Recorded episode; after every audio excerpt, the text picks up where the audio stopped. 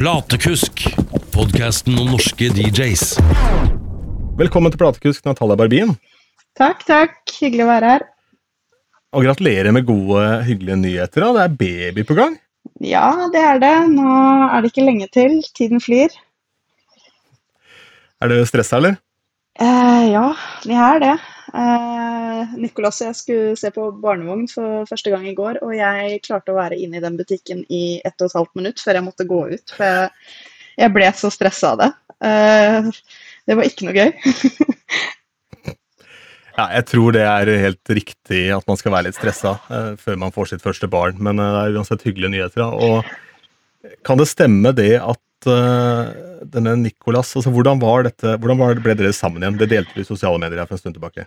Ja, uh, vi møttes uh, for syv år siden, litt over syv år siden, på Gudruns, som var en speakeasy-klubb i Oslo. Hvor han var Først så var han bartender, og så ble han bookingansvarlig også. Men da vi møttes, så jobbet han i baren. Og da fikk jeg øye på han da en kveld jeg skulle spille der. Og gikk og bestilte meg Skulle ha en god øl, og da fikk jeg en rosa øl som var veldig, veldig god. Jeg husket ikke navnet på den da. Og så tenkte jeg fy fader, han var kjekk. Han, jeg må finne ut av hva han heter og hvem han er. Hvorfor har jeg ikke sett han før? så etter den spillejobben og etter ganske mange øl, så kom jeg hjem. Klokka var vel nærmere fire eller noe sånt på natta. Og da tenkte jeg jeg må finne ut av hvem han er. Og så etter litt, eller mye, research og stalking på Facebook, så fant jeg ut av det og tenkte at nå må jeg sende han en melding. Men hva fader skal jeg skrive? Og da kom jeg på åh ja, jeg fikk jo rosa øl, jeg kan jo spørre hva den heter. Det er lurt. Så jeg skrev bare hei, hei, takk for ølen, den var kjempegod, hva heter den? Og han svarte med en gang, for han var jo sikkert fortsatt på jobb da og vaska barn eller hva vet jeg. Han svarte at den heter Leafman, så nei, det var bare hyggelig. Og så var jeg sånn, fader, hva skal jeg skrive nå da? Nå har jeg liksom brukt opp det ølkortet. Og da var jeg bare sånn, nei, fuck it. Uh, er du singel, eller? og da ble han bare sånn, oi, uh, ja, jeg er det. så han ble litt overrasket, da. Men jeg sparte meg selv for ganske mye tid, for det, ja, han var jo singel, så, så fikk mm. vi eh, ja, planlagt en liten lunsj, og så skulle han reise på backpackingtur til Asia i fire måneder rett etter det. Så da var det bare å vente. Men uh, det var jo verdt ventinga. Syv år etterpå, og nå venter dere baby. Det er jo det er tidenes spillemelding, da. Ja, det, det vil jeg si. Uh, så jeg har jo en screenshot som jeg pleier å dele hvert år. Da, på, den jeg så. Ja, så den, den, er litt morsom, for det står jo klokkeslett, og jeg tror klokka var sånn 05 et eller annet da jeg skrev det. Uh, for det tok jo litt tid å researche og finne ut av hvem man var. Så ja, det lønner seg å sende fyllemeldinger iblant. Ja, det er langt ifra alltid, da, men iblant så kan iblant. det være en god greie. ja. Men uh, Natalia, la oss begynne med din altså DJ-karrieren din. Hvordan starta dette her, og hvordan endte du opp med å ja, bli en av de mer profilerte DJ-ene i Norge, da? Ja, um, det starta vel egentlig da jeg var i slutten av tenårene. Eh, så fikk jeg øynene, eller holdt på å si ørene, opp for eh, elektronisk musikk, opp for house. Eh, og det fikk jeg da jeg var i Kroatia. Familien min er fra Kroatia, så jeg har vært mye der hver sommer. Og der så er det ikke like strenge på aldersgrenser og sånn, så jeg ja, da jeg var en 14-15-16 år Jeg så eldre ut enn det jeg var også, da, men da kom jeg inn på de store klubbene, og der hadde de booka inn ja, store DJ-er som ja, David Getta på den tiden, han er jo stor nå òg, men uh, Steve Angelo og alle guttene fra Swedish House Mafia, det var jo lenge før Swedish House Mafia, det her er vel 2007? 2006-2007. Uh, slapp inn der, og først, den første DJ-en jeg hørte, var Erik Morio. og da ble jeg helt, jeg ble helt hypnotisert. Jeg bare stoppa og bare måpte og bare hva er, det, hva er det jeg hører? Dette her er helt fantastisk. Uh, og jeg ble helt hekta og bare kjøpte inn masse CD-er, da. Det var det man gjorde da. Uh, og samla rett og slett på alt jeg kom over av uh, housemusikk, da. Eh, og ja, hørte på det døgnet rundt. Når jeg dusja, når jeg skulle sove, når jeg vaska, når jeg studerte, så fort jeg sto opp, eh, hørte på denne musikken og bare forguda disse DJ-ene, da. Så da jeg begynte å studere, eh, det var i 2007, da da gikk jeg på BI, og så kunne man melde seg inn i ulike utvalg, da, foreninger. Eh, og da ble jeg med i Lyd og lys-utvalget. Eh, og de trengte DJ-er, og da var jeg sånn Shit, så kult. Herregud, tenk om jeg kan lære meg det. Jeg har jo så mye musikk, og jeg vet jo nøyaktig hva jeg vil spille, men jeg må bare lære meg hvordan man gjør det. Så da hang jeg på studentkroa hver eneste torsdag og studerte hva disse Det var for det meste gutter da, som spilte, og studerte hva de gjorde. Og stilte tusenvis av spørsmål. Uh, og det var vel kanskje en fordel at jeg var en ung, søt eh, blondine da, som turte å stille spørsmål, for da gadd jo de gutta å svare på det. Jeg tror kanskje det hadde vært litt vanskeligere hvis jeg hadde vært en gutt, så hadde de bare bedt meg om å stikke. Men det hadde de ikke hjerte til, da. Så da svarte de på alt jeg spurte om, og selv om jeg sikkert var kjempeslitsom. Men da lærte jeg etter hvert, og så ble jeg med i dette utvalget, og da fikk jeg opplæring sånn the basics, og så måtte jeg bare øve. Øve og øve, øve. Eh, skjønne liksom hva, hvordan er det man egentlig beatmixer, hva er det som er filosofien bak dette. Eh, hvordan bygge opp sett hele det Hele den pakka, da, egentlig. Så step by step, egentlig. Men det var en skikkelig addiction. Så det var, ja. Mm. Ja, det er jo ofte sånn det blir. At man blir liksom noe hekta på et eller annet, så har man en sånn helt ja, Nesten usunn tilnærming til det. For det blir du altoppslukende, bare konsumerer det hele tiden. Det var det virkelig. Altså, jeg kunne ikke tenke på noe annet. Det var sånn Jeg kom flere timer før studentkroa åpna bare for å øve. Ble gjerne igjen etter. Også når jeg begynte å få mine første spillejobber ute Eh, I Oslo så var det også sånn jeg kunne komme to-tre timer før jeg skulle spille og bare teste, øve, lære meg, eh, skjønne. Ja. Jeg må jo si det at det er vel ikke det verste jeg har hørt at den første DJ-en du hørte live, var Erik Morio, eller? Det er jo ikke gærent. Nei, det var den første DJ. Jeg ante jo ikke hvem han var, eller hadde aldri hørt om han før, men bare shit, hvem er han? Og så sto det jo navnet hans da på Det var jo sånne visuals. Eh, og så hadde jeg jo program, da, den klubben som jeg pleide å gå på uh, i Kroatia. Der, fikk, der, var det sånn sommerprogram, så du kunne se hvem som skulle spille uh, hver uke. Da. Og da var det DJ-er mandag til og med søndag. Uh, og det meste var house, og så hadde de noe hiphop og R&B, men jeg gikk jo bare på de house-kveldene. Og da var det det var liksom Carl Cox og Sebastian Ingrosso og Hernan Cataneo og det, ja, masse kjente DJs, da. The big guys, ja. ja. Men uh, da det var en fordel da i dette studentmiljøet da, å være blond og pen, som du sa, hvordan var det da når du etter hvert skulle ut på veien, og så var det masse sånn Pen jente-syndrom er jo en greie, Jeg og snakka mye med gitaristen Tora, som da ikke nå lenger opplever at hun uh, hele tiden får hjelp av uh, veldig hyggelige menn som tenker hun kan ingenting om det der gitarbrettet sitt, den dama der, og så kan hun rippe den gitaren som knapt en mann i landet klarer. ikke sant? Um, for du var jo da selvfølgelig interessert i teknikk, og alt dette rundt her. Altså, ja. har, du, har, du, fått mye hjelp du ikke har trengt opp igjennom? Nei, altså På skolen så var jeg jo med jevnaldrende altså studenter eh, som ikke nødvendigvis var profesjonelle DJ-er, så de var veldig hjelpsomme og var veldig eh, inkluderende.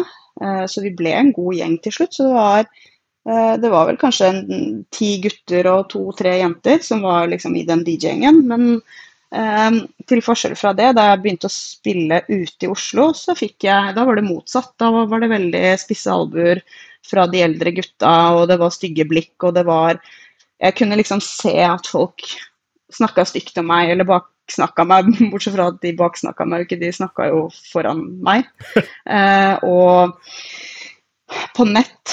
Eh, Facebook var ikke så veldig mye bruk akkurat da, men jeg husker jeg hadde eh, Det ble skrevet en artikkel om meg i Nattguiden, eh, som da var en sånn oversikt over happenings i Oslo. Eh, hvor da jeg hadde kommet eh, i kontakt med en eh, veldig flink fotograf, en jente, eh, på en fest. Og hun var sånn 'Å, herregud, så kult at du er DJ, vi burde ta noen kule bilder'. Og mannen hennes han eh, var en av hovedpersonene bak Nattguiden. Og han foreslo at ja, men når dere først skal ta bilder, kan vi ikke skrive en artikkel om liksom Det er jo nesten ingen jenter i DJ-bransjen, og i hvert fall ikke så unge. Jeg var jo 18-19 år. Så vi tok bilder, vi, og så ble jeg intervjua, og intervjuet het uh, Fersk boksmat, for det er DJ-boks, og liksom jeg var fersk og sånn, da. Uh, så det var egentlig et ganske kult intervju, uh, og jeg var veldig ærlig. Jeg var veldig ærlig på at jeg, jeg kan ikke si at jeg kan alt, jeg lærer fortsatt. Jeg klarer ikke å beatmikse perfekt enda. Det er en teknikk som jeg må få inn i kroppen. Jeg har, begynt, jeg har noen spillejobber, liksom. Jeg ikke Ja. Jeg er i startfasen. Og da var det en del nettroll som skrev altså så mye stygt. Eh, som jeg eh, kunne jo lese, ikke sant. Og jeg angra jo sånn på det intervjuet og ble jo kjempelei meg. Og eh, ville jo bare aldri spille ute noensinne igjen. Jeg ville jo ikke vise meg, fordi de, de skrev så stygge ting. Eh, fordi jeg var, jeg var, jente, rett og slett. Det var typisk den der hun har sikkert ligget seg til den jobben og eh, ja. ja.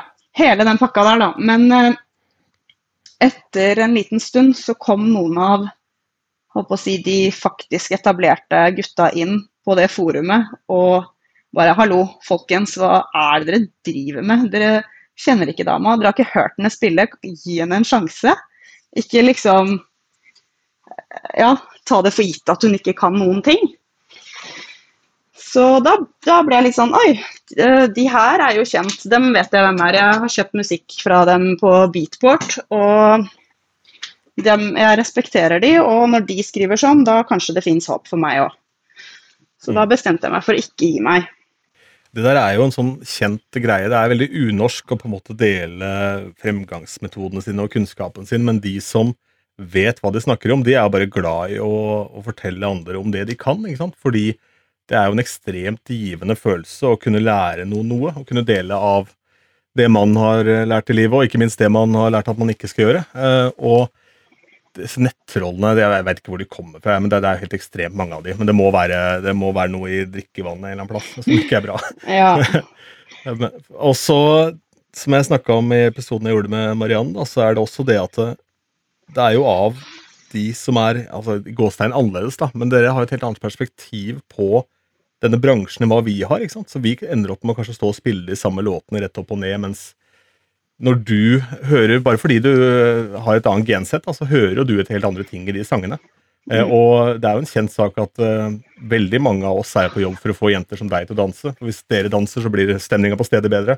Og da blir gutta verden også bruker penger. Og det er mekanikker her, så de som da prater dritt istedenfor å kanskje tilegne seg noe kunnskap, da, uansett hvor mye erfaring du har, det er helt merkelig. Jeg har aldri skjønt det. Nei, ikke jeg heller. Virkelig ikke. Men hvordan eh, tar du det derfra, da? Fra å, å få denne artikkelen og pepper i etterkant, men så da etter hvert eh, kred? da? Altså, når er det på en måte bobla sprekker og folk skjønner at Natalia vet hva hun driver med?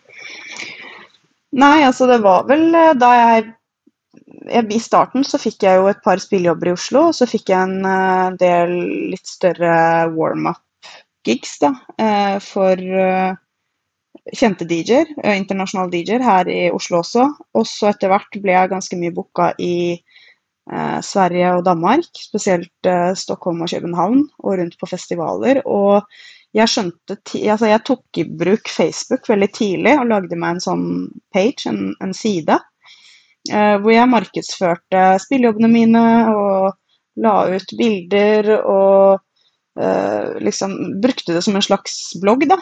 Eh, og jo flere som begynte å følge meg, eller jo flere jeg ble kjent med via Facebook, eh, spesielt da her i Oslo og rundt omkring, eh, så så jo de at shit, hun gjør det jo faktisk bra.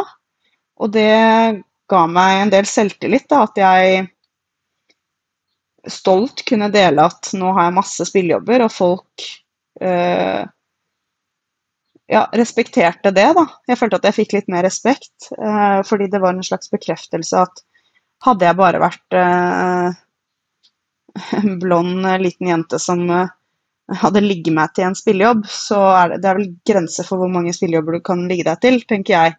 Um, Jeg tenker å ligge med hele Skandinavia da, etter hvert. Det var ikke verst. Var. ja, ikke sant? Da, da tror jeg kanskje man har et annet yrke enn DJ, men eh, eh, Så det at jeg hadde den eh, kontinuiteten, da, at jeg kunne vise til at ja, men jeg har spillejobber hver måned, jeg blir booka til samme sted flere ganger, jeg har flere residencies.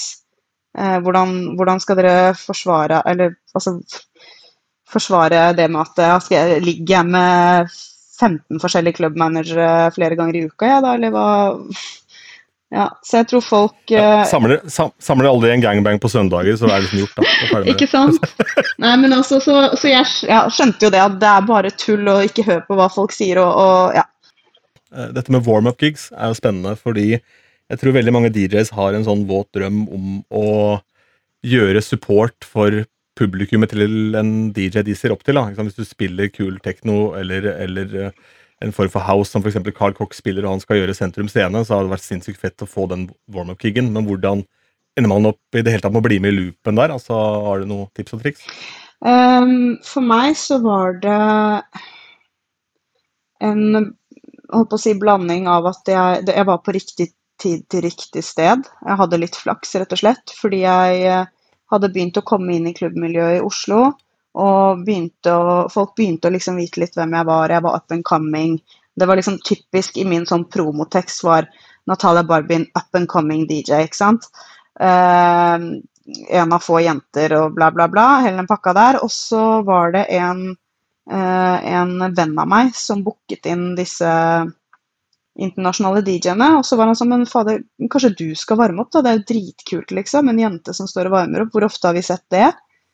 Eh, her i Oslo. Og så var jeg sånn eh, Er du sikker på det, liksom? Bare Men du kan spille en, en time, en halvtime. Bare Det er kult for deg og ja.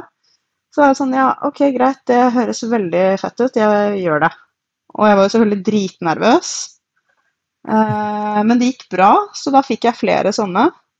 Det ble en sånn greie nesten, at hver gang de, eller hver gang han skulle booke eh, internasjonale DJ-er, så var han sånn OK, men det gikk jo kjempefint sist, så kanskje du vil spille igjen? Og så var jeg sånn, ja. så det var egentlig ja, riktig tid og riktig sted, men jeg tror også det var det at jeg var god på å promotere meg selv også. Jeg var god på å trekke folk, og det spiller jo faktisk en rolle, i hvert fall Altså, klubbene de, de må overleve på en eller annen måte, og det er jo ved å få folk dit. Eh, så jeg var med på å liksom dra det lasset litt, da. Der tror jeg at mange har en vei å gå sånn i forhold til tankesett, fordi i idet man spiller på en klubb hvor det ikke nødvendigvis er masse inngangspenger, og da gjør man en jobb for at den baren skal selge øl. Eh, og da må man være profesjonell overfor den jobben, og da må man på en måte gjøre det beste man, man kan få til for at de forutsetningene skal møtes. da, Og så blir man kanskje grinete fordi den ene kvelden så må man spille musikk man ikke liker. Hvis det er en sånn open format-gig, da.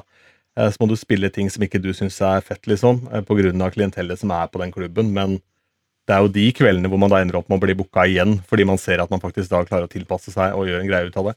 Nå driver du med litt eget opplegg, da, men det blir jo litt samme for din del òg, hvis, eh, hvis du har et eh, hvis du skal gjøre et eller annet kult sted, da, og skal gjøre la oss si, en sånn lounge, deep house-greie, og så viser det seg at det var en konferanse i byen den dagen, så du har plutselig veldig mye eldre folk i lokalet enn hva det egentlig var venta. Da må jo du også flippe litt de tinga du holder på med, slik at ikke de gamlingene går, for det er kanskje det som er der av folk. da.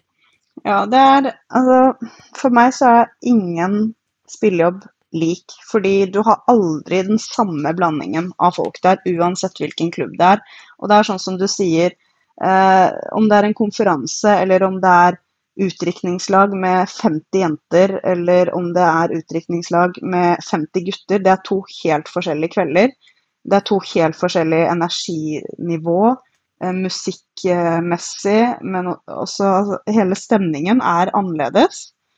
Eh, Og det kan være på Mm. en og samme klubb eh, en fredag og neste fredagen. Det kan være to helt forskjellige kvelder, så det er derfor jeg også aldri egentlig planlegger settene mine på klubbgigs, fordi jeg vet aldri hva jeg kommer til. Jeg har med alt, jeg er åpen for alt. Jeg tar det som det kommer.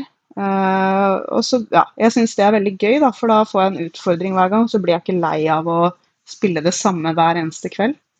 Nei, ikke sant? går litt fram og tilbake. rote roter litt, kjenner jeg, men det er fordi det har vært en uh, intens helg. Deilig, det. er Bra.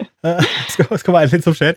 Uh, og det har vært uh, få intense helger under pandemien, så det er bra at det koker litt igjen. Men vi må snakke litt mer om warm-up, fordi hvordan gjør man et warm-up-sett? Altså, Hvordan approacher man en sånn Nå har du gjort en god del opp igjennom og blitt litt mindre nervøs på de. Så hvordan approacher man en support-gig? Altså, Hvis man går ut av blokka i 100 så får man ikke nødvendigvis neste jobb. Jeg husker Øystein Greni fortalte det at han ikke hadde spilt To The Mountains under soundchecken eh, da de gjorde support for Rolling Stones til Telenor Arena, fordi den låta har en ganske heftig gitarsolo. Da visste han det at dersom de trøkka til, så ville de ikke få full lyd ut av PA-en til Rolling Stones. Eh, og det er jo noen mekanikker der, fordi hvis du går ut liksom med en eller annen låt som er på topp akkurat nå, rett før en eller annen DJ som kunne hatt den i sitt sett. altså blir jo det veldig sånn pussig. Hvordan approacher man en sånn greie? Ja, altså Det i seg selv er også en kunst. Jeg har hatt veldig mye warm-ups, både for uh, kjente DJ-er, altså store DJ-er, og uh, artister. Senest uh, på fredag i forgårs så varmet jeg opp for Karpe. Og jeg visste at de skulle på, og jeg visste at publikum vet Det var en sånn surprise artist, egentlig, på et uh, privat arrangement. Og de, det hadde gått rykter om at det var Karpe som skulle komme på. Jeg visste det da, men i hvert fall så jeg visste at jeg må trekke publikum til scenen. Fordi de var ikke De var liksom mingla og sånn. Jeg må få dem litt i gang. Men ikke for mye, for det er når Karpe går på at det skal smelle. Og jeg skal spille etter dem igjen, og da kan jeg gjøre hva jeg vil. Men inntil da så må jeg bare være sykt tålmodig og holde dem litt på pinebenken. Og det er tøft, fordi de begynner å bli utålmodige, jeg begynner å bli utålmodig. Karpe gikk på et kvarter senere enn det de skulle, og det føltes som tre timer. Fordi jeg sto og kikka bort på, på de arrangørene og bare pekte på klokka, bare kommer de opp på scenen snart? For jeg vet liksom ikke hva, hva jeg, hvilken låt skal jeg spille neste, for den kan ikke være for uh, mye energi, og det kan ikke være for lite heller, for jeg må jo bygge det opp på en eller annen måte. Uh, så det handler om å bygge opp, egentlig. Uh, få folk med, men ja, egentlig holde, holde, igjen litt, da. Og det er en sånn hårfin balanse. og man, altså Én ting er man skal i hvert fall ikke spille noen av hit, hitlåtene til de du varmer opp for.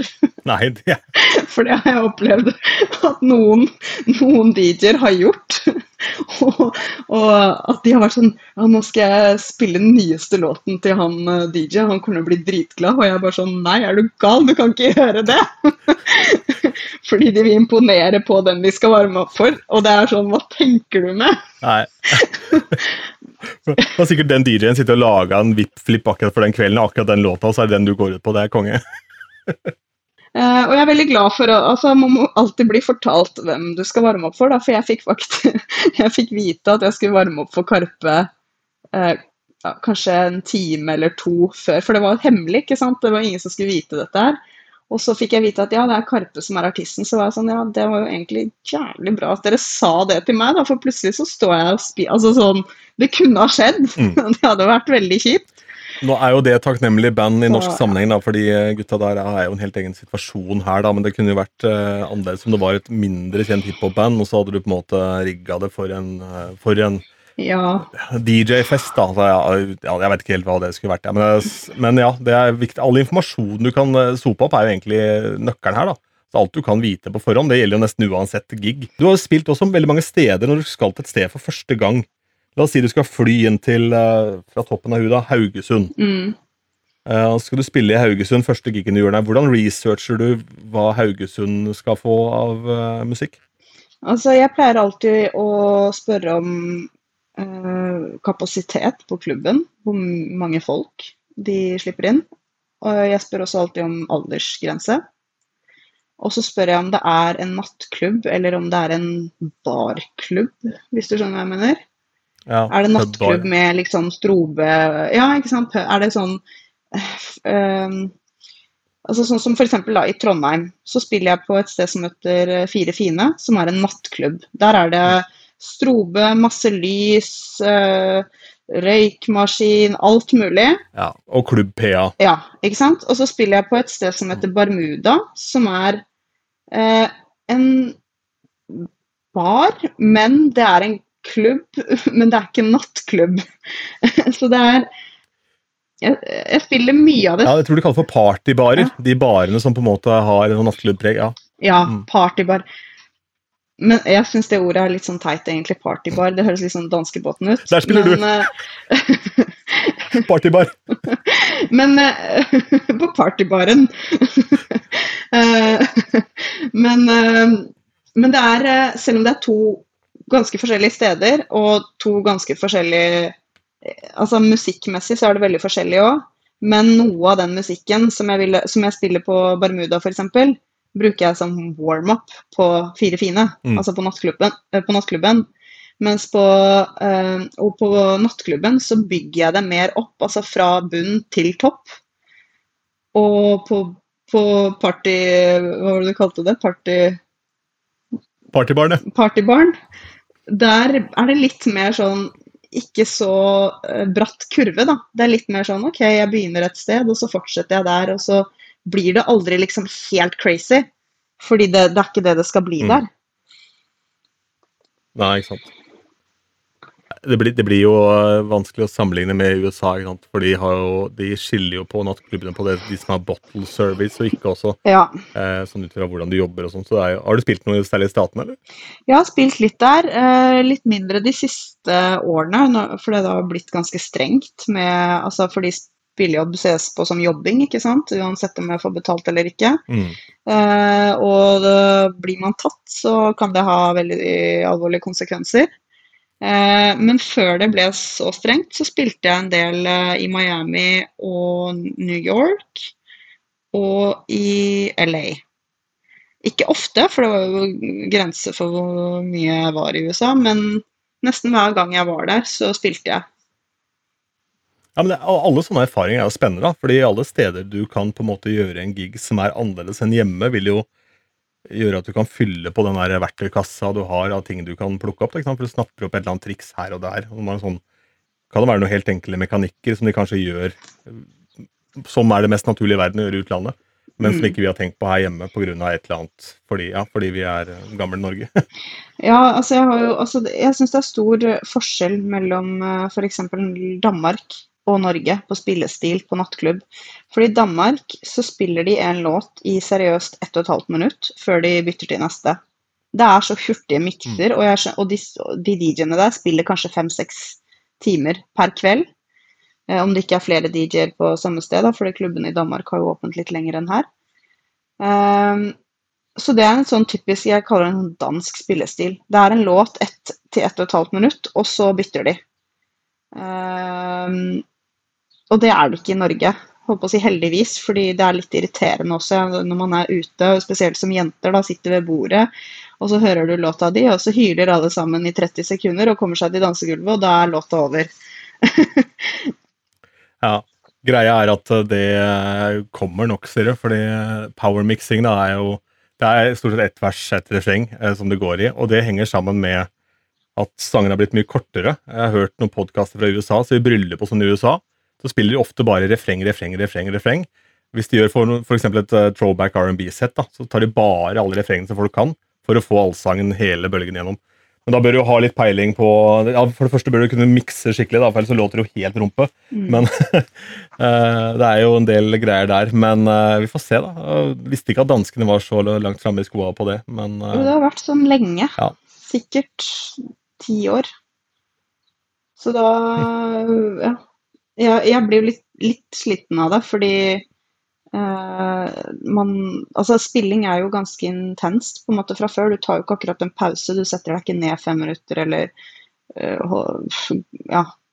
Du er jo der hele tiden. Du er med hele tiden og, og spiller og mikser og her i Norge så er det vel kanskje Mm. tre-fire-fem timer som er vanlig. Eh, men da når du skal stå i fem-seks timer og bytte låt hvert minutt da bør du ha kontroll på mappestrukturen din i Serato, eller hva du bruker, i hvert fall. ja. Ja, jeg var i et bryllup i går, og det er interessant det med en del brudepar nå, for de er jo fra den generasjonen da det var en gap der hvor Skrillex var det største i verden. Du kan risikere å få veldig mye i den sjangeren ikke sant? på deres liste over liksom de topp sangene fra da de var kids, var, eller ungdom. da, var liksom Skrillex og Deadmouse og en del sånne ordentlig harde, heftige greier. da. Så i går så opplevde jeg noe helt absurd, for da tok jeg det helt opp i 140-50 BPM, for så å brekke det ned i trap da, ikke sant, eh, etterpå. Og da var det en bestemor altså, på 93 år, som jeg trodde hadde gått og lagt seg for flere timer siden, som står og rocker til Wet Ass Pussy. Det er kult, da. Sånn vil jeg også bli. og så tenker jeg jeg kan ikke ta inn dette her nå, for da kommer jeg ikke til å klare å fullføre kvelden, for det var en halvtime igjen, ikke sant? og det her gikk det unna, da. Uh, så jeg skulle over i Pony etterpå.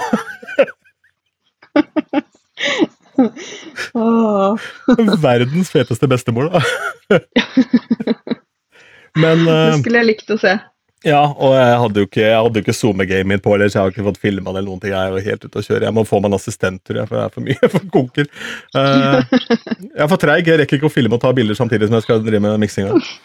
Um, Du er mann, Men- du klarer ikke å gjøre flere ting eh, samtidig. Det er det som er greia. det er helt riktig. Så det jeg egentlig skulle hatt, det var en kvinnelig assistent og sånn blekksprut på dekk som bare fiksa alt. Eh, men eh, du, du begynte å spille, skal vi se, er det 15 år ish tilbake i tid, eller? Ja, stemmer. Ja. På de 15 åra, hva vil du se er den største forandringen på liksom, hvordan faget ditt fungerer? Det er et uh, godt spørsmål. Uh, jeg uh, har merka at det er mer akseptert å blande forskjellige sjangere. Det er i hvert fall sånn jeg opplever det. At, eh, og spesielt etter pandemien. At når ting har vært stengt, så er det litt sånn etter to år så er det ingen som helt vet hva, hva er det som er hot, og hva, what's not. La oss bare teste alt mulig. Så jeg vet ikke om du har fått med deg det, men ABBA har jo liksom fått en sånn Flere tech house-DJ-er og techno-DJ-er har jo plutselig begynt å spille ABBA i settene sine i Berlin. Hvor man bare What the fuck er det som skjer egentlig? Men jeg syns det er dritkult, fordi why not?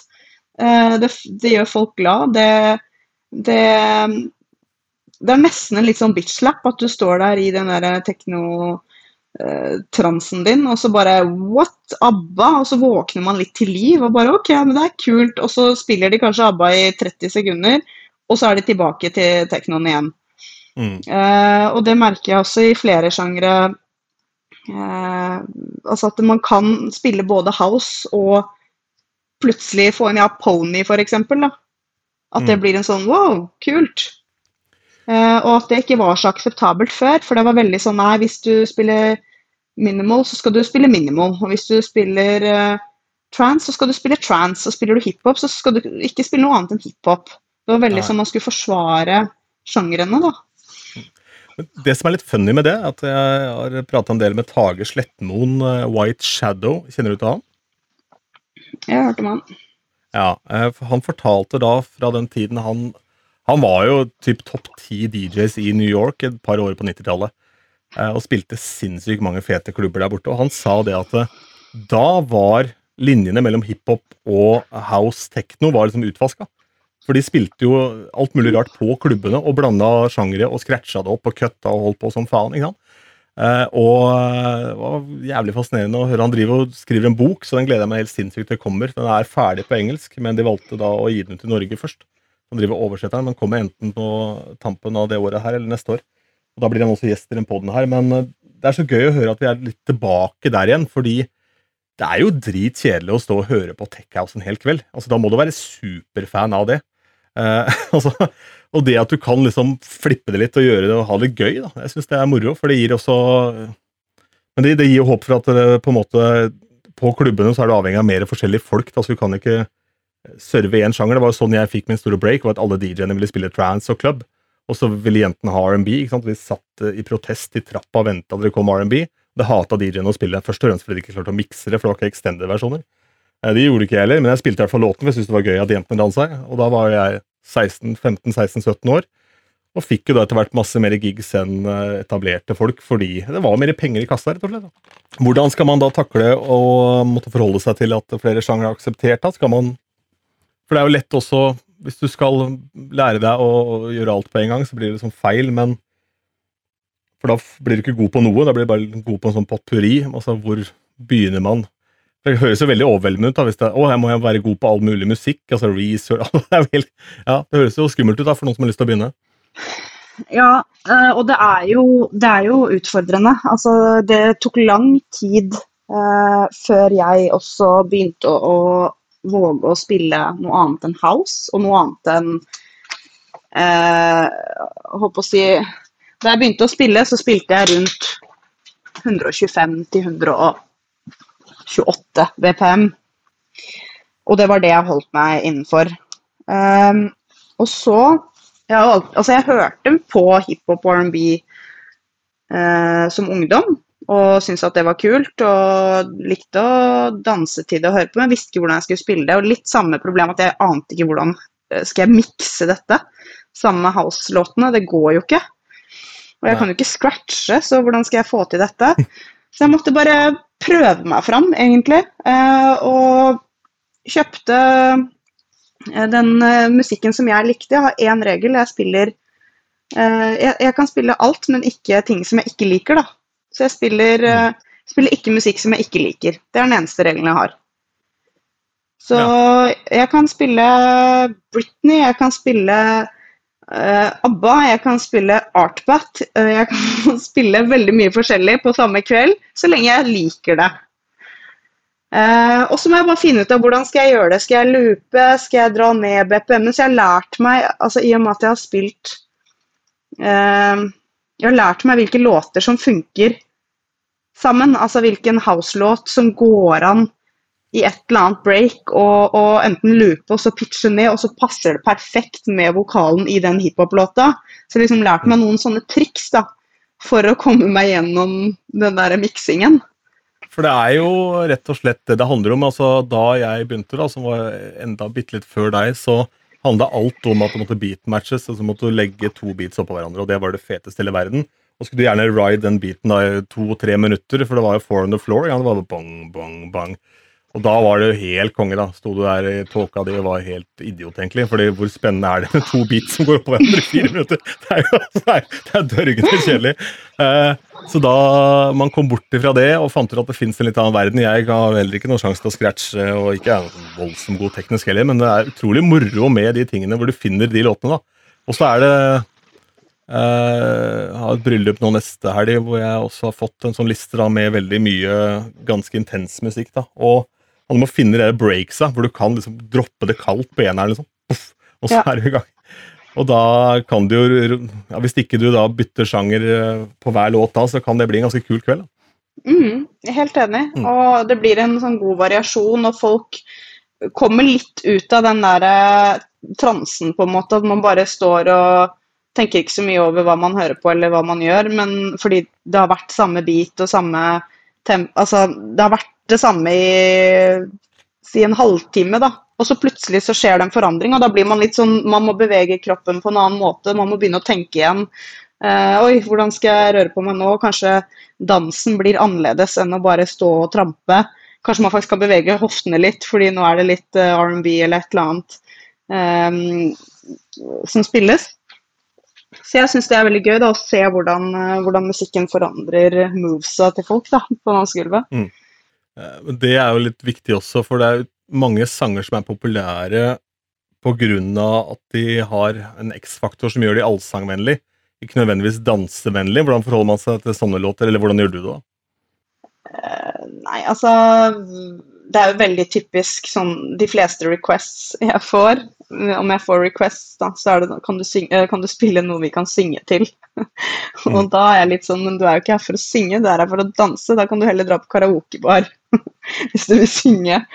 Men så blir jeg litt sånn ah, OK, greit, jeg får prøve å finne noe, da. Uh, og da det er ikke sånn, Jeg har ikke veldig mange låter som jeg spiller som er allsang, men si da, da blir det kanskje noe ABBA eller noe, noe som folk kjenner igjen. da, En remix av noe. Um, ja, jeg vet ikke om det gir svar på spørsmålet ditt. Nei, jo, det, det gjør egentlig det, da, for det er bare approachen til det. og Grunnen til at jeg lurte på det, var at jeg snakka med På vei hjem fra den gigen i natt, så prata jeg med Roger Eggesvik, som uh, var gjest i poden her ja, for mange måneder siden. Uh, og da fortalte han at han hadde fått request på ABBA, da, og da var han et sånn helt annet kjør. Men så har jo Vikram, DJ Prince, laget en sånn Tech House-variant av Lay All Your Love On Me, for det er jo sånn glemt perle fra ABBA. Ja, den er det jo mange take-house-remixer av nå, for å si det sånn. Ja, ja, ja helt klart. Eh, men eh, den er jo i overkant hard egentlig for det stedet. da. Men eh, Roger sa jeg bare droppa det. Det funka som faen, jeg. Alle sang med.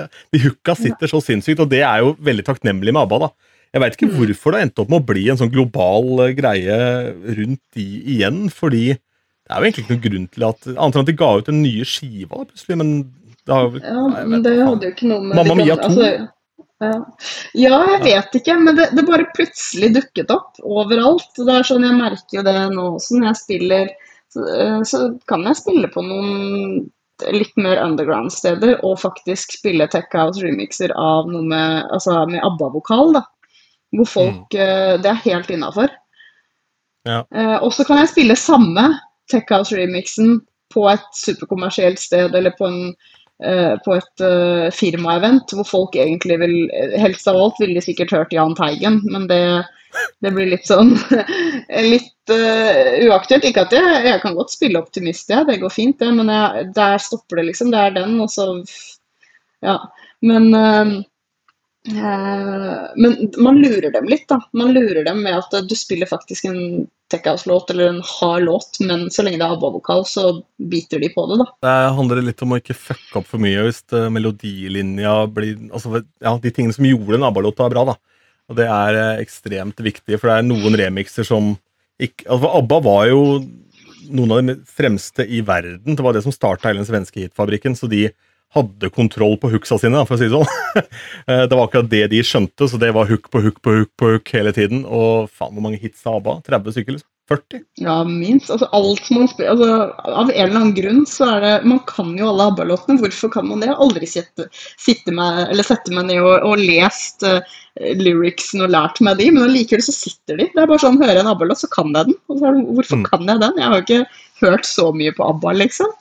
Nei, nei, jeg vet ikke. Det er jo helt, helt unikt. Det er jo Jeg vet ikke om jeg har fortalt det i poden her, men jeg var jo til stede, jobba for Radiometro, som akkurat begynte der da Folketeatret åpna. Ja.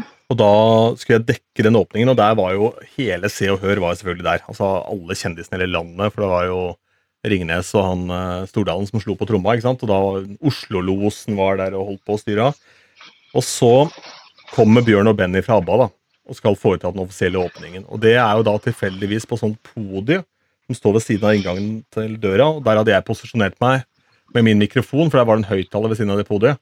Jeg trengte bare lyd, jeg skulle lage radio. Eh, og jeg hadde ikke tenkt på at de skulle opp på det podiet. Jeg trodde det var sånn hvor de gikk opp og annonserte at forestillingen begynte.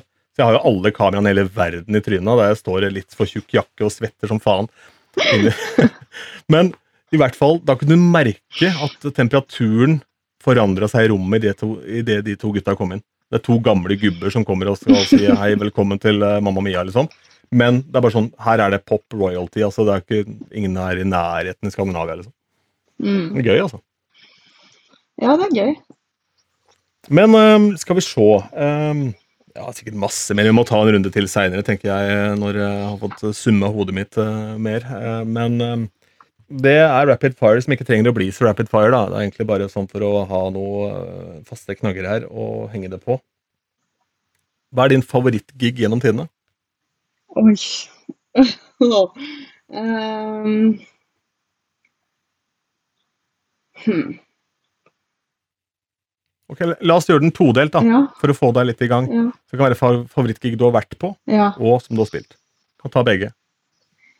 Favorittgig som jeg har eh, vært på, eh, det må jo ha vært eh, Erik Morio første gangen i Kroatia. Fordi det, jeg ble helt paralysert. Jeg kom inn og bare stoppa og bare sto og gapte og, og, og, måpte der og kunne ikke bevege meg først. Og bare skjønte ikke helt hva, hva det var som traff meg. Så det glemmer jeg aldri.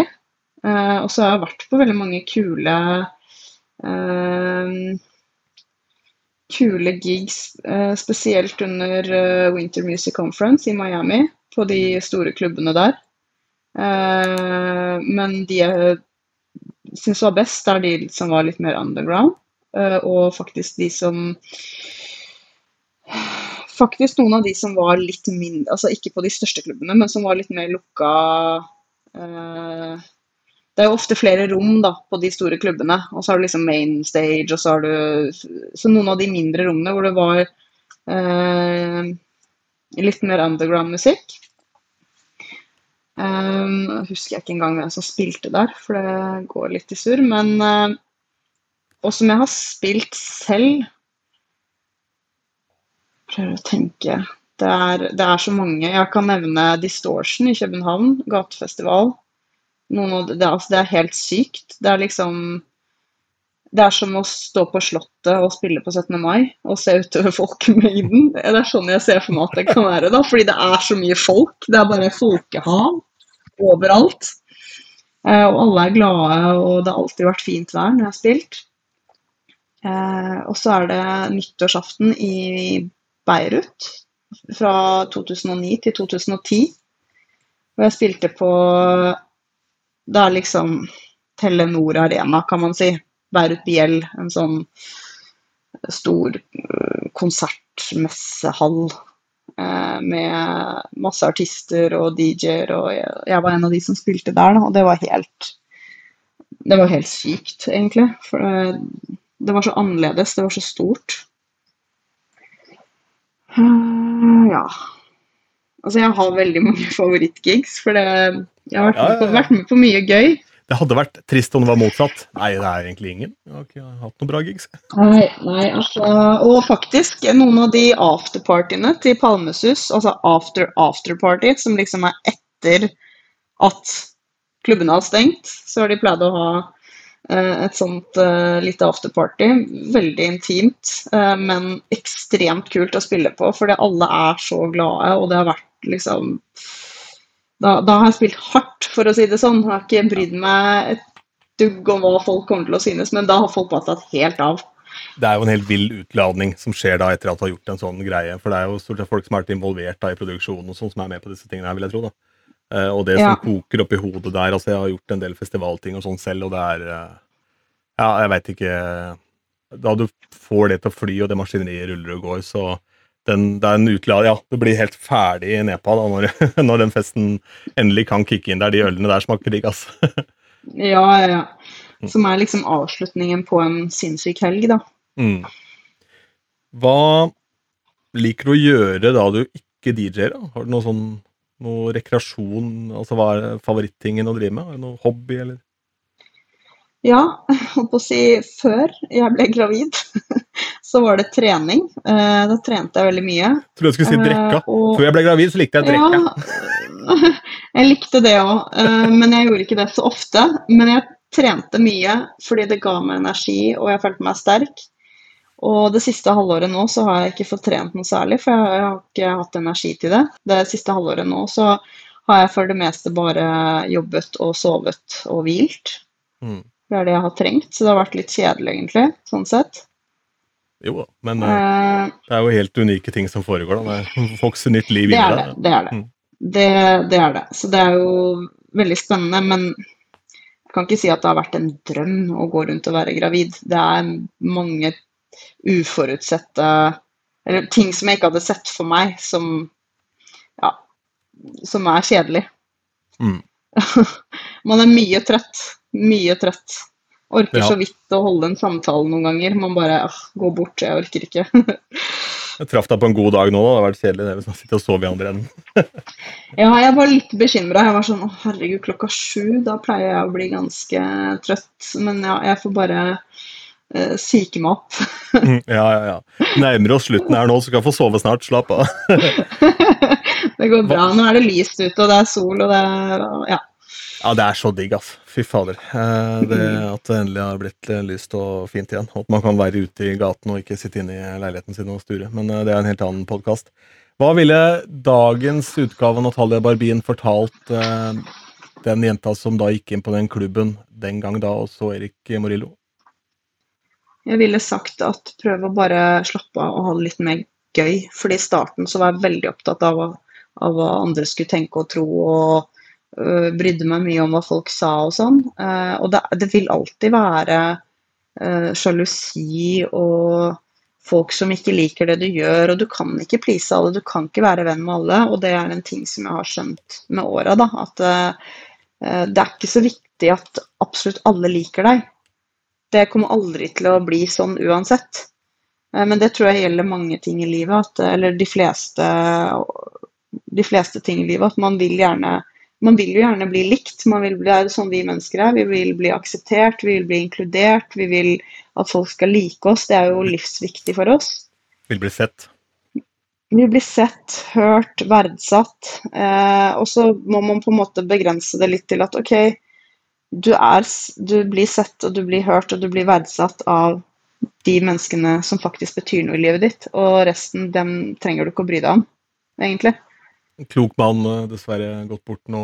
Per Fugelli har vel et quote hvor eh, det er noe sånt som at det handler om å gi litt mer faen, da. Og hvis du klarer det, og på en måte ikke bry deg så mye om hva andre folk eh, tenker, så eller i hvert fall ikke mann i gata, for det har stort sett ikke noe med å gjøre med hva du driver med likevel. så Nei, og det er akkurat det. Du er på en reise her, du må på en måte få satt av den tiden. Du må eh, skynde deg i ditt eget tempo. Da, ikke sant? Det er litt med det, da. Det, ting skjer ikke over natta. Det virker jo kanskje som at Karpe, da, som et eksempel, breaka sånn Plutselig så var de der med piano. Men det var jo 10-15 år med rapping foran ingen før den tid. Ja, ja, ja, herregud. Jeg, altså, jeg husker fra ungdomsskolen så hørte vi jo på Jeg vet ikke hvor vi fikk de låtene fra, om det var eh, de derre Hva heter de igjen? Nedlastningsprogrammene ja, Napster, Kassa. Napster og ja, ja, ja, de der. Så hadde vi noen sånn Karpe-lobb, men da het det jo Karpe Diem, da. Eh, og så var det liksom noen sånne rare Jeg husker ikke hva låten het engang, men, men jeg husker jo det, og da var det jo Nobodies, på en måte. Mm. Skulle promorunder hvor de spurte om de kunne låne telefonen på radiokanalen jeg jobba, fordi de hadde ingen til å hjelpe seg, da, så de måtte ordne alt sammen sjøl, og så var de litt bak skjema. Og, det er jo sånn Uh, alle har starta et sted, og nå kan jo de få hva de vil i hele verden for en gig, liksom. Så det er noe med det. Ja. Um, hva er din favoritt-DJ i Norge og i utlandet? Favoritt-DJ i Norge og i utlandet um, Det er jo utrolig mange flinke, både i Norge og, og i utlandet. Eh, som jeg ser opp til, og, og Innafor altså, å nevne flere. Altså, det må jo ikke være én. Du trenger ikke ja, å putte noen på pidestallen, men som bare Ja. Nei, men altså, hvis jeg begynner med utlandet, da, så det, det, er jo veldig Nå tenker jeg Når jeg tenker på produsent og DJ, og da tenker jeg egentlig mer på musikken som spilles, så er veldig, ser jeg veldig opp til uh, Prytz. Mm. Uh, ikke nødvendigvis fordi han, han, gjør ikke så veldig mye ut av seg på scenen, egentlig, men, og det trenger han ikke heller, fordi musikken som han spiller, er så det er så sjukt når han spiller. Ja, han spiller gamle låter, nye låter. Han spiller veldig mye av sine egne låter. Han tar også inn andres låter. Men det er, uh, det er en kunst. Altså, det er som å gå på et kunstmuseum, eller Det er sånn, ja. Um, så jeg liker veldig godt uh, han. Uh, og av nyere, holdt jeg på å si, eh, som jeg har sett, så syns jeg Artbat var veldig De gjorde en I hvert fall sist jeg var, jeg var og så dem i oktober i Stockholm. Og det var også helt sjukt. Altså energien og måten de Jeg kjenner ikke til det, faktisk. Nei, de er fra eh, Hvis jeg ikke husker helt feil, så er de fra Ukraina. Wow. Den burde du sjekke ut. Eh, veldig Ganske mørk musikk, eller sånn melankolsk tekno, kanskje. Jeg vet ikke hva man kaller det. Men uh, veldig kul musikk. Sjekket musikken. Og så tror jeg de har noe sånne Jeg ser veldig mye på Circle. Uh, de settene på Circle på YouTube. Uh, og Boris Brescia også. Herregud, jeg skulle egentlig på se han i Beograd i fjor sommer, men pga. pant, for da, det ble for mye styr. Mm. Men han må jeg se en dag. Også i Norge, så Jeg vet faktisk ikke hvem jeg skal si, for det er sånn hvis jeg ikke ramser opp alle, og folk hører på, så blir de kanskje lei seg. Men uh, uh, Å, herregud. Nei, altså, jeg syns jo egentlig at uh, Jeg syns Geir, Geir, er veldig flink. Gia. hver gang jeg har sett ham spille, så blir jeg like imponert. Han han spiller Jeg har aldri hørt han spille det samme.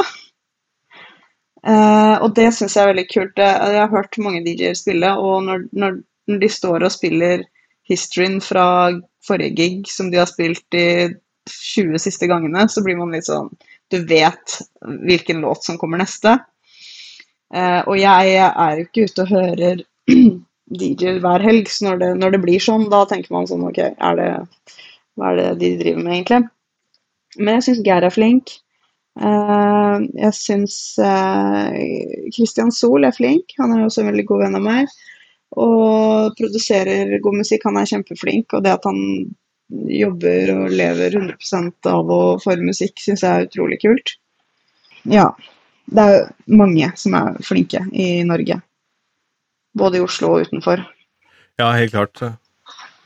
Og det er verdt å dykke litt ned i også og se på mange litt mindre kjente navn nå, sant, som dukker opp der. Og hvis ikke du Hvis du nå er interessert i type house og den type ting, og ikke har noe forhold til Gia f.eks., så er jo det da Gratulerer med dagen. Det er bare å åpne ja. kista. ja, ja, jeg er helt enig. Det er mange å si, ferskere og nyere DJ-er også som er, som er flinke og imponerende. og ja, selvfølgelig. Jeg digger jo også når jeg hører Isra, f.eks., som ikke har holdt på så lenge. Når jeg sitter og hører henne spille mm. før eller etter meg eller med meg, så blir jeg sånn Girl, du er flink, ass. Kan du sende meg den låta? La, la oss ta, no ta, noen ord om det, da. Fordi hva ved denne mentorrollen? Jeg var ikke klar over det, så jeg ble ekstremt glad. Jeg skrev jeg til deg på melding òg da eh, Isra fortalte deg at du hadde tatt den rollen overfor henne. For det er jo så utrolig viktig at man ikke sklir inn på et bananskall i den bransjen her, da, fordi det er faktisk utrolig mange flinke folk, så du må være god skal du ha en verdi. Og ikke stå og drite deg ut på jobb, da. Eh, og Isra er jo supertakknemlig for at du har tatt den rollen overfor henne, så jeg skjønner hva det gir henne.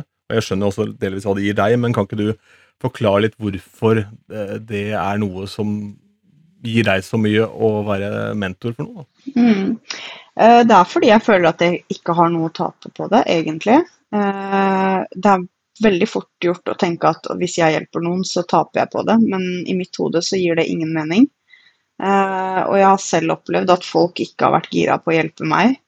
Eh, fordi, ikke fordi de vil være kjipe, ikke fordi de ikke liker meg, men fordi de er redde, rett og slett, for at jeg skal ta deres plass eller territorie. Men det er plass til alle, og er du si, brenner du nok for det du driver med og, og, er god, så kommer du ikke til å miste plassen din av at du hjelper noen andre opp.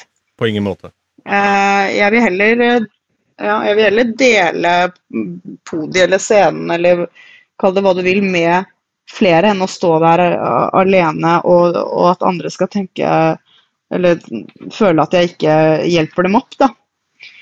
Og så vil det jo være sånn at eh, jeg har hjulpet flere eh, i bransjen, og, og, noen ganger så blir de kontakta istedenfor meg, da. F.eks. For fordi at eh, jeg har gitt noen gigs til noen, og så neste gang så er det bare naturlig for det eventbyrået eller hvem det nå er, å kontakte dem istedenfor meg. Og da har jeg følt litt at ok, det, det, er litt surt. Nå har jeg gitt liksom en del av det jeg har jobba for, men altså man eh, ja, man ja, jeg syns i hvert fall man skal eh, hjelpe hverandre, og, og jeg har troa på at det eh, ikke skader deg selv, da, å hjelpe andre. Det er jo én ting til ved dette, og det er jo det at eh, du får litt oversikt over hva folk kan, og hvilket mindset de har. Så hvis noen ringer og vil ha Natalia, og ikke Natalia er tilgjengelig, så kanskje du kan peke i retning av noen som vil funke på den gigen. da. Eh, så da har du plutselig kanskje en mm. vikar. ikke sant? Fordi, ja, Du går jo inn i en periode nå for eksempel, hvor jeg vil anta at det blir litt mindre gigs. og så Småbarnsforeldre og DJ. Det er ikke så lett å kombinere. Nei, da jeg har holdt på sånn lenge, hvor jeg gir bort massevis av gigs. Eh, mm. Og da er det sånn som du sier, at da er det veldig viktig for meg å vite også at de jeg anbefaler, de leverer. Og det, det er eh, ja, en håndfull med DJ-er som jeg gledelig deler gigsene mine med, da. Mm. For jeg vet at de leverer, og jeg vet at da blir uh, de som booker, også fornøyd. Um, da gjenstår det et spørsmål, da. Og før det så har jeg lyst til å takke deg for tida di. Veldig, veldig fint å kunne stille opp, uh, til tross for at man blir fort trøtt om dagen pga. Hyggelige omstendigheter. Ja, selvfølgelig. Det er bare hyggelig å stille opp, og det var kjempehyggelig å snakke med deg. Når er termin? Det er i slutten av september, Lykke til, eh, og håper at så ja, jeg håper at det ikke, at det ikke går over i oktober. Eh, Jeg håper at eh, alt går bra med svangerskap og sånt. Og så er det siste spørsmålet. Det er hva er din favorittbit i Twist-posen? Oi. Ok, det her er sikkert veldig uventa for mange, men det er kokos.